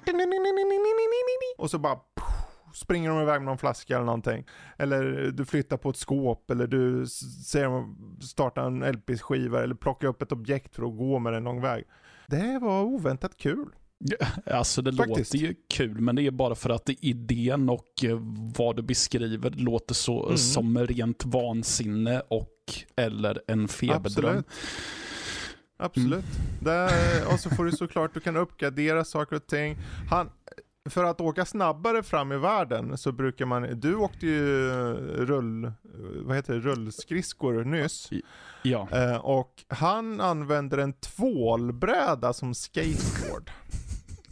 Okay. Så man kan grinda på saker och liksom, det, ibland kan du få små varelser att skjuta en tråd över stora, stora, vad heter det, Lavi, raviner typ, fast det är ju inte raviner för det är ju, det är ju ett rum. Så mellan ja. två hyllor då, men det är enorm längd för honom. Och då blir det en tråd, kan han åka på den där lilla tvålbrädan, wii, över tråden i 140 liksom. Och det är sådana här små detaljer bara som jag varit så här paff på. Var, varför har inte folk pratat mer om det här spelet? Ja, det här alltså... är ju, än så länge så är jag så här, okej okay, det här, det här måste folk köra. Uh, sen, jag har inte kört så långt än. Så jag vet Nej. inte om det blir bättre eller sämre eller hur, vad som händer med den här berättelsen och så. Och upplägget är ganska, det är väldigt rakt på sak. Det som jag berättade här mm. med att han är på sin hemplanet, de ska åka, han teleporteras till en annan värld, det vill säga jorden. Det är liksom en minut typ, bara. Plupp, dit, dit, dit, dit, dit, och så är du här och så helt plötsligt är du jätteliten i en värld eh, som ser ut som jorden och det är någons ja. hem liksom. Ja, jag sitter och tittar på lite screenshots mm. ifrån det och alltså uh, utseendemässigt ser det ju ganska skevt ut med, eftersom att uh, det, det, är så tydligt att uh, det är två olika stilar för mm. miljöerna och karaktärerna. Precis. Men med tanke på vad du berättar så är det ju klart att det ska vara på det här sättet. Ja. Nästan. För det, eftersom ja. att de har ju så. mellansekvenser för övrigt, alltså väldigt välgjort, alltså rent animationsmässigt, väldigt välgjorda mellansekvenser så här cartoon style, precis mm. som han är ritad, huvudkaraktären. Mm. Eh, när han träffar på de här Tiny Kinsen för första gången och så. Som jag tycker, ja, men det här är ju, det är, det är bara så fint och så varmt. Jag känner bara en värme från det här spelet än så länge. Mm. Uh, och uh, jag, jag, har ni Game Pass, ta ner mm. det. Ja. Jag menar, ni har inget att förlora. En stor Nej. jäkla, liksom, e- ett hem är plötsligt en enorm stad för er. Trots att eh, mm. du ska bara upp i hyllan och hälsa på uh, någon jäkla myra som bor där. Ja. Mm. ja. De har inte tagit så bra hand om hemmet heller, om de har myror och Nej, sånt i det. Nej, precis. Och det, det är också en fråga om varför det är så. Ja. Varför är det skalbaggar och insekter som, som bor och har små städer i ett hus här? Vart är människorna varför, varför har tiden frysts till 1991 också? Udda sak. Precis. Av Ja, alla år man kan vara fast i. Ja, 91 vet du. Ja, jag vet. Min, eh, min äldste lillebror föddes då, så det kanske är Mm. därför tiden stannade. Kanske det. Ja, Kanske. ja, ja eh, Joel, Mhm. du har skrivit in något här som jag sitter och lägger pannan i väck över. Oj, oj, oj. Ja. Ja. SM i Katan. Ja. Är det Eh, alltså svenska mästerskapet i brädspelet Katan eller vad? ja, eh, du, du, exakt det du sa. Eh, Det är alltså Settlers of Catan. Har ni spelat det? Eh, ja, Mm. en gång. Ja, ja. Mm. Men man, man Mm. bygger ju- man ska få 10 poäng och varje liten by är värd ett poäng och varje stad är värd två poäng och så samlar man resurser. Eh, Mm. Det stora grejen är då att det är olika siffror på de här resurserna och så slår man en tärning. Eh, och så får Mm. man då bara de resurser som tärningen visar. Och sen är det Fredriks tur och så slår man tärningen. Men slår man en eh, sjua, tror jag det är, då sätter man igång rånaren. Och har man ö- för många resurser på handen, då, måste man lägga, då blir man av med typ hälften. Och så flyttar rånaren till en plats och där rånaren står, om man slår den siffran, då får man inga resurser från just det fältet. Eh, ja, Mm. det var alldeles jättesnabb slarvig förklaring av Katan. Men ja, det är SM i Katan i, eh, på valdagen till och med. Jaha, Eh, okej. I Göteborg. Jag tyckte det var Mhm. väldigt skoj att det kommer ske. Och det första pris är då en betald resa till Malta för VM i Katan. Okej. Ja. Ja. Eh, Jag är inte Mm. så bra på Katan så jag ska inte ställa upp själv. Men eh, det verkar senast så det, det dök upp på Facebook tidigare idag att det finns platser kvar. Så Mm. ja, Ja, när ni hör det här så är det ju... ja då, är det, då är det kört. Då är det kört. Så om du sitter nu och tänker att du ska vinna en resa till Malta för att du är så bra på Katan. Nej, det ska du Du inte. ska vara jävligt snabb. Ja, eh, men ja, så det tyckte, jag tyckte bara var så kul med ett Ja. SM. Jag har faktiskt varit med i ett SM för ett brädspel tidigare. Mm. Eh, I Terraforming Mars, ett som vi spelar i på Tärningspodden. Ja, just det. Ehm, ja, man ska göra Mars grönt helt enkelt. Men ja, Mm. det, det är en annan historia. Men eh, SM i Katan i alla fall, i Göteborg. Mm. Ja, Mm. okej. Om inte Eh. annat eh, kanske går dit och kan man gå dit och kolla på det liksom när de spelar och så? Är Ja, det det, Publiksport? det, kanske, jag vet inte. Det hålls ju i eh, science fiction-bokhandeln i Göteborg. Mm. Och de har ju Mm. sina vanliga söndagsöppettider, så jag vet inte hur det ser Mm. ut. De kanske, sen kanske de sitter någonstans där de inte vill bli störda. Nej, kanske. Ehm, men det Nej, får alltså, man ju... jag sitter just och funderar på hur, eh, hur mycket publiksport det skulle vara att titta på folk som spelar ett brädspel. Eh, Ja, jag såg faktiskt en eh, så här, Mm. två timmars lång analysvideo av, av så här, VM i Katan 2018. Eh, Okej. Så jag tror det finns, det finns en publik, men vi får se. Det verkar som de saknar deltagare än så länge. Men, Ja, alltså, ja. Nej, men, eh, och sen alltså, jag var ju skeptisk till det här att man skulle börja göra underhållning av eh, Dungeons and Dragons sessioner. Och det är ju en grej i allra högsta grad att eh, det typ streamas när folk spelar det och så. Mm. Med. Men, men. Mm, det, det, det är inte e-sport längre, det är bordsport. B-sport. B-sport. B-sport. Ja, nej, men exakt. Ja. Ja, eh, jag, jag ser att du har tittat på Adventure Time också. Ja. Eh, för, Är det, är det första bekantskapen eller är du Ja, en eh, det, det, ja, long time typ, fan? eh, nej, det är andra bekantskapen. Första gången så kollade jag lite. Då fanns det på Netflix. Nu Mm. finns det på HBO. Och så här halvvägs genom säsong två så märkte jag, men vänta, det saknas ju avsnitt. Och Mhm. scener har klippts bort och det är väl det, därför egentligen jag vill ta upp det. Eh, en varningens ord nu då. Eh, det finns väldigt censurerade varianter av Adventure Time där ute. Och just det Mm. råkar finnas på HBO. Eh, så det kan vara lite bra att hålla koll på. Okej, Ja. så om man vill se uh, oklippt och osensurerat så ska man inte gå till HBO alltså? Nej, precis. Så, Mm. Och jag, jag blev, jag blev så här riktigt sur när jag såg det. Det var ju så här, ja, och, så känner man sig så dum också, för det är inte som att, alltså det står ju så här, de gömmer det inte ens liksom. Det är bara saknas, alltså om du kollar från avsnitt 7 så står det sen avsnitt 9. Där. Och det, det är en illa dold hemlighet. Ja, det är inte, alltså. jag tror inte ens det är en hemlighet och det var därför jag kände mig så grundlurad verkligen. Eh, Ja. Men ja, så, så jag researchade lite i det här och det är ju då att det finns både en eh, UK, förlåt, Storbritannien har en variant och så har Australien en variant och så har USA en variant. Men så det bästa egentligen då om du vill se Adventure Time i Sverige just nu på, Mm. och du vill se faktiska Adventure Time, inte censurerade, inte saknar episoder, då tror jag du helt enkelt måste köpa DVD eller Blu-ray. Det låter ju som det, men alltså är det så känsligt innehåll i Adventure Time alltså? Eh, Det beror ju på om man Ja. ser det som, om man tycker att det är en barnshow. Ja, Ja, okej. men eh, det är ju lite så här, eh, jag vet inte, det, det, när, när det, kom ut en film som heter bara typ 9, så här, tidigt 2010-tal kanske det Mhm. var. Eh, och det var så här animerad eh, skräckis typ. Och jag kommer ihåg när mina föräldrar såg trailern så sa så här, va? Men en animerad film som inte är för barn, åh nej. Eh, och jag tror det är lite samma sak här, att när Adventure Time kom Mm. så var det ja, tecknat som inte är för barn. Nej men det kan det ju Mm. inte vara. Där. Mm. Det måste vi ju fixa till.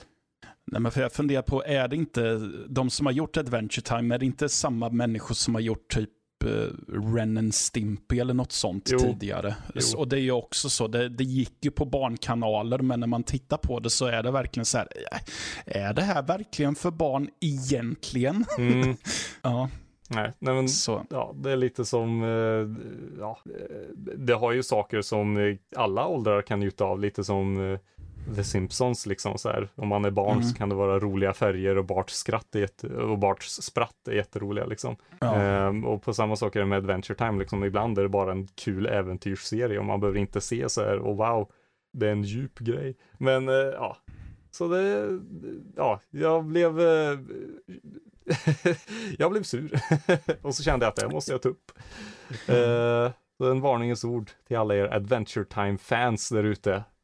Ja. Och det visar också på det här med, alltså det här med att streamingtjänster verkligen inte är något permanent.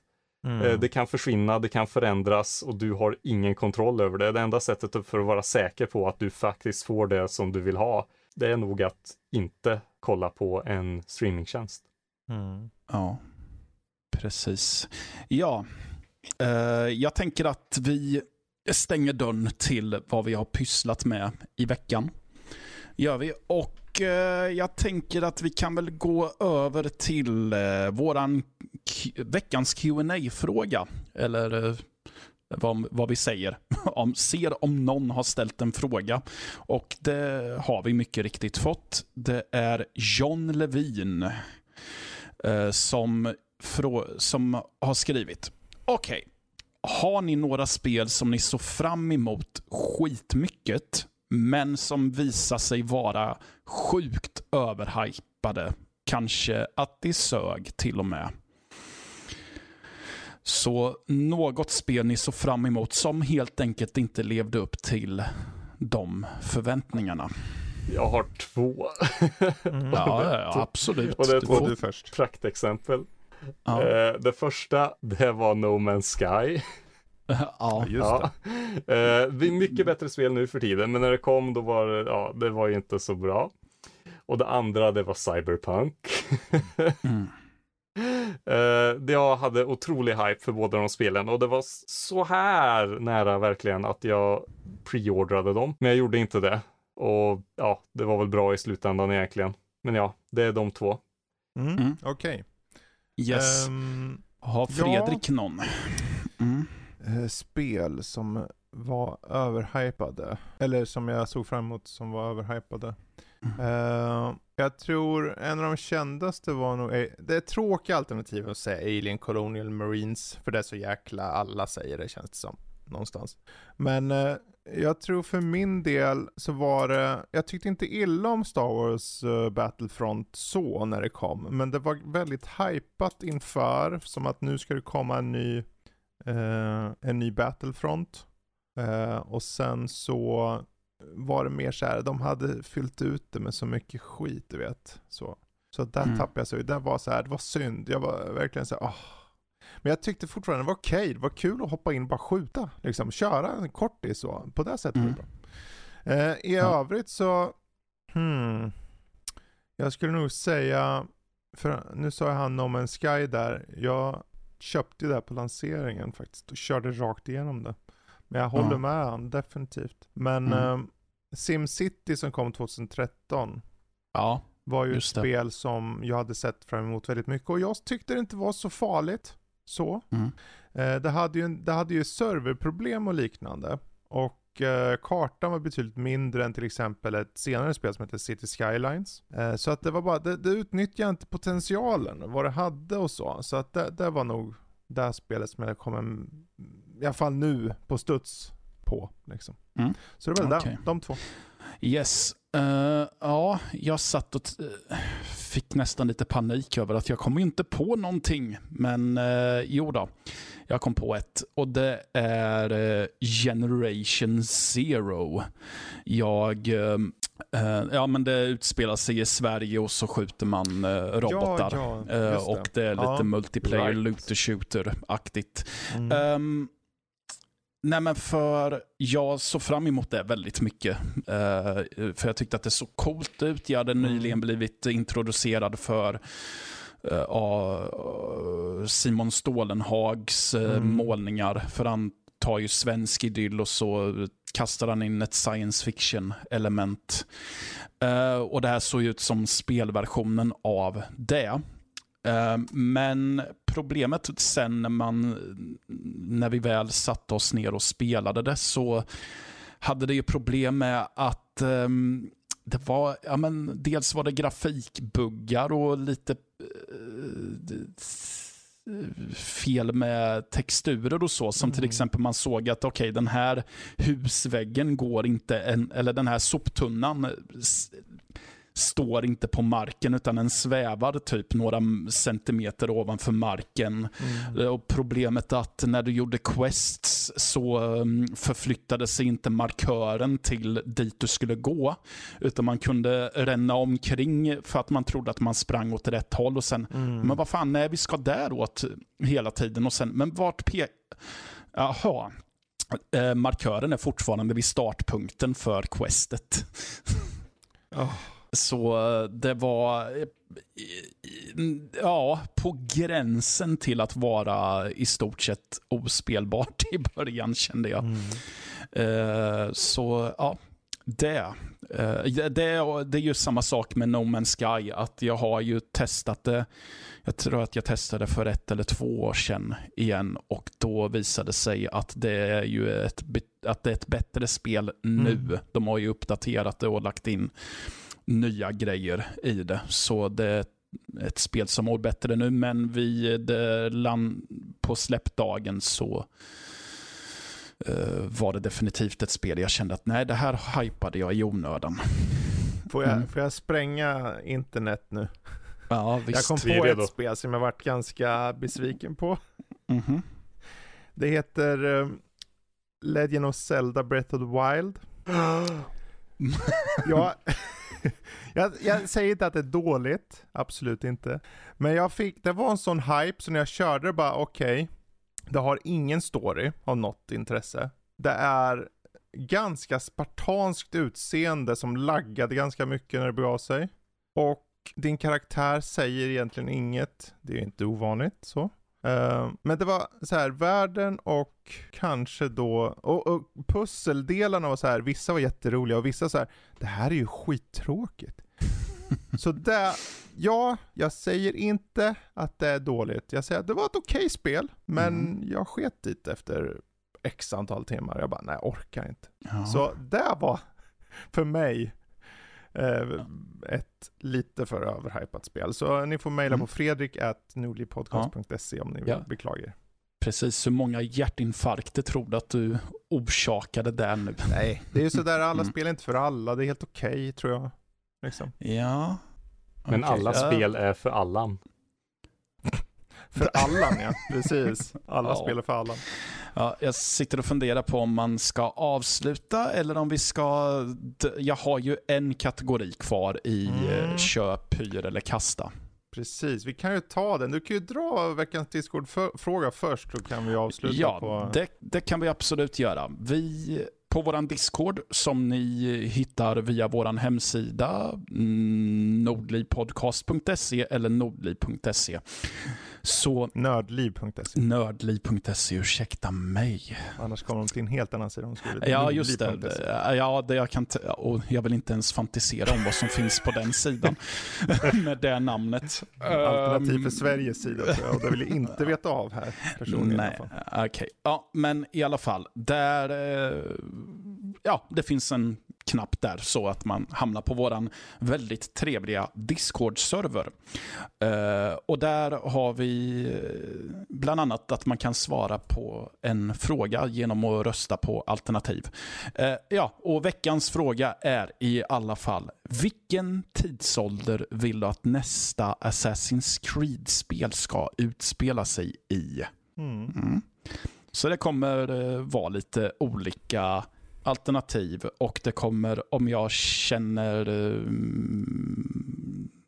om jag känner nördliv rätt så kommer det vara varierande, del, varierande grad av seriositet också. Säkert. Ja, jag tror det. Men i alla fall, vi har ju som sagt eh, en kategori kvar av köp, hyr eller kasta.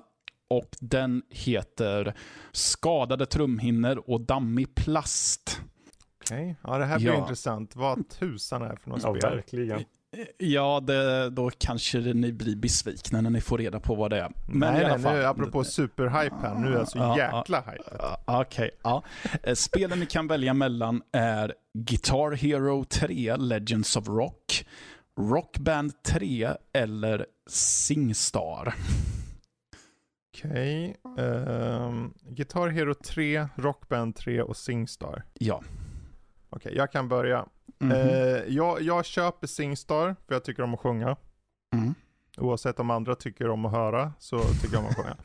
Eh, Mm. Jag hyr, eh, jag hyr, jag vet inte, här är hugget som stucket. Jag har aldrig kört rockband, så jag hyr Guitar Hero, för den jag tror jag petar på någon gång. Mm. Ehm, jag har faktiskt inte kört Singstar heller, men jag tänkte man sjunger väl antar jag.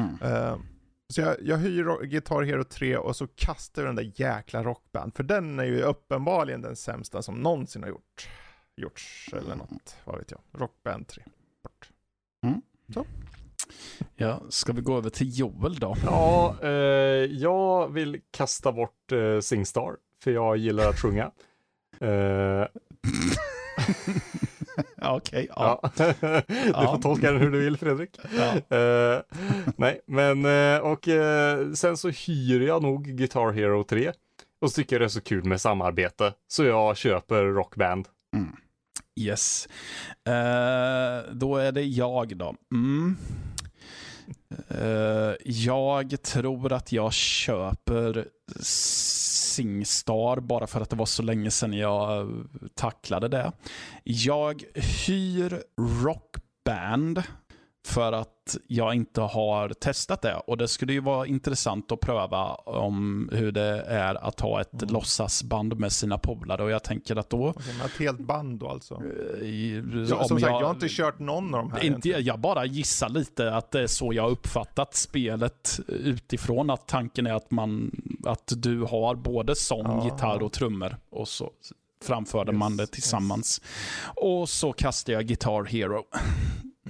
Okej, Mm. så facit där alltså. Okej. Ja, jajamän. Tre stycken facit. Ja, precis. Ja. Jag känner mig så dålig, jag har inte kört någon av de här. Alltså, det var mycket spel som jag inte har kört då. Nej, men är- det är ju... Jag är en dålig människa. Så är Ja, det. eller, eller så är det jag som har lite svårt för... Eller så är det jag som inte är bra på att... Nej, jag tyckte det var kul. Nej, Men det är ja, kul ja, att få lite bra. nytt. Det, är, ju- Ja. det, det spelar ju inte, det är ju inte hela världen här. Det är ju bara att riva av lite roligt. Eh, Ja, Älskade ja, då- kategorinamnen. Ja, Ja, verkligen. tack, tack, tack. Plus i kanten. Ja, ja, ja. Kan Det var inte så jäkla mycket eh, JRPG över det dock. Nej, det kanske det inte var. Jag får väl bättra mig till nästa gång. mycket JRPG var det Hur, inte hur heller. skulle man... Ja, Du menar JRPG-spel att välja på eller att titlarna skulle vara Ja, mer precis. JRPG? Men okej. Jag tycker hela du ska gå och bli chibi. Nästa gång vi ser dig så har du jättestort huvud och liten kropp. Ja. men eh, hur, hur fasen skulle man döpa en kategori mer JRPG? Skulle det vara kategori F Maginata Konstrum Nox? Lumino Superduper uh, Mega Exerd Edition Final Fantasy But not Final Fantasy. Ja, jag vet inte. Ja, Någonting långt och invecklat. Du kan, du kan nog ta vad som helst och typ lägga till så här 20 på slutet så kommer han fatta. För det finns bara en spelserie som liksom håller på så pass länge. Ja. Precis. Ja, nej, men då så. Vi ska Mm. väl ta det som ett tecken på att det är dags att avrunda lite. Så jag... Eh, återigen, Discord. Vi har en ruta på nördliv.se. Klicka på Connect och så hamnar ni där. Och på vår hemsida när ni ändå är där så kan ni ju läsa alla fantastiska recensioner och krönikor som vi skriver där. Och eh, ja, Undrar ni någonting, vill ni höra av er på något sätt så alltså, har ni hoppat in på Discord så skriv där. Eh, Eller så mejlar ni till eh, info at nordlivpodcast.se. Ja, det var väl allt. Ja, just det. Vi heter nordliv.se på Instagram och Twitter med, som ni Mm. kan följa. Om ni inte redan gör det. På Instagram i alla fall dyker det upp lite, mm, lite frågor som till exempel vad spelar ni för att koppla av eller vad, vad helst det nu än må, gö- må vara. Jag vill även kasta in en ytterligare grej i pluggningen och det är att jag vill påminna er om att vi faktiskt har en YouTube-kanal som heter Nördliv. Jag och Emil har en eh, eh videoserie som vi kallar för Spelmys där eh, Emil och jag turas om att spotlighta ett eh, slumpmässigt spel som vi har valt i våra kataloger och så spelar vi det och pratar strunt helt enkelt. Så. Men med det sagt så vill jag tacka Joel och Fredrik för att ni ville dela denna afton med lilla mig. Det är så härligt Själv? så. Ja, Vad formellt det blev där. ja, tycker jag. ibland ska jag passa på att vara formell också. Och jag tackar er som har lyssnat ända hit. Ni är väl ändå bäst ni också, känner jag. De är ju bäst faktiskt. De är faktiskt bäst. Ja. Egentligen är det de som är absolut bäst. Men vi hörs eh, nästa vecka. Eller ni kanske inte hör just den här konstellationen, men ni hör Nördliv nästa vecka. Precis. Och vi, vi säger nu hej då. Hej då. Hej då!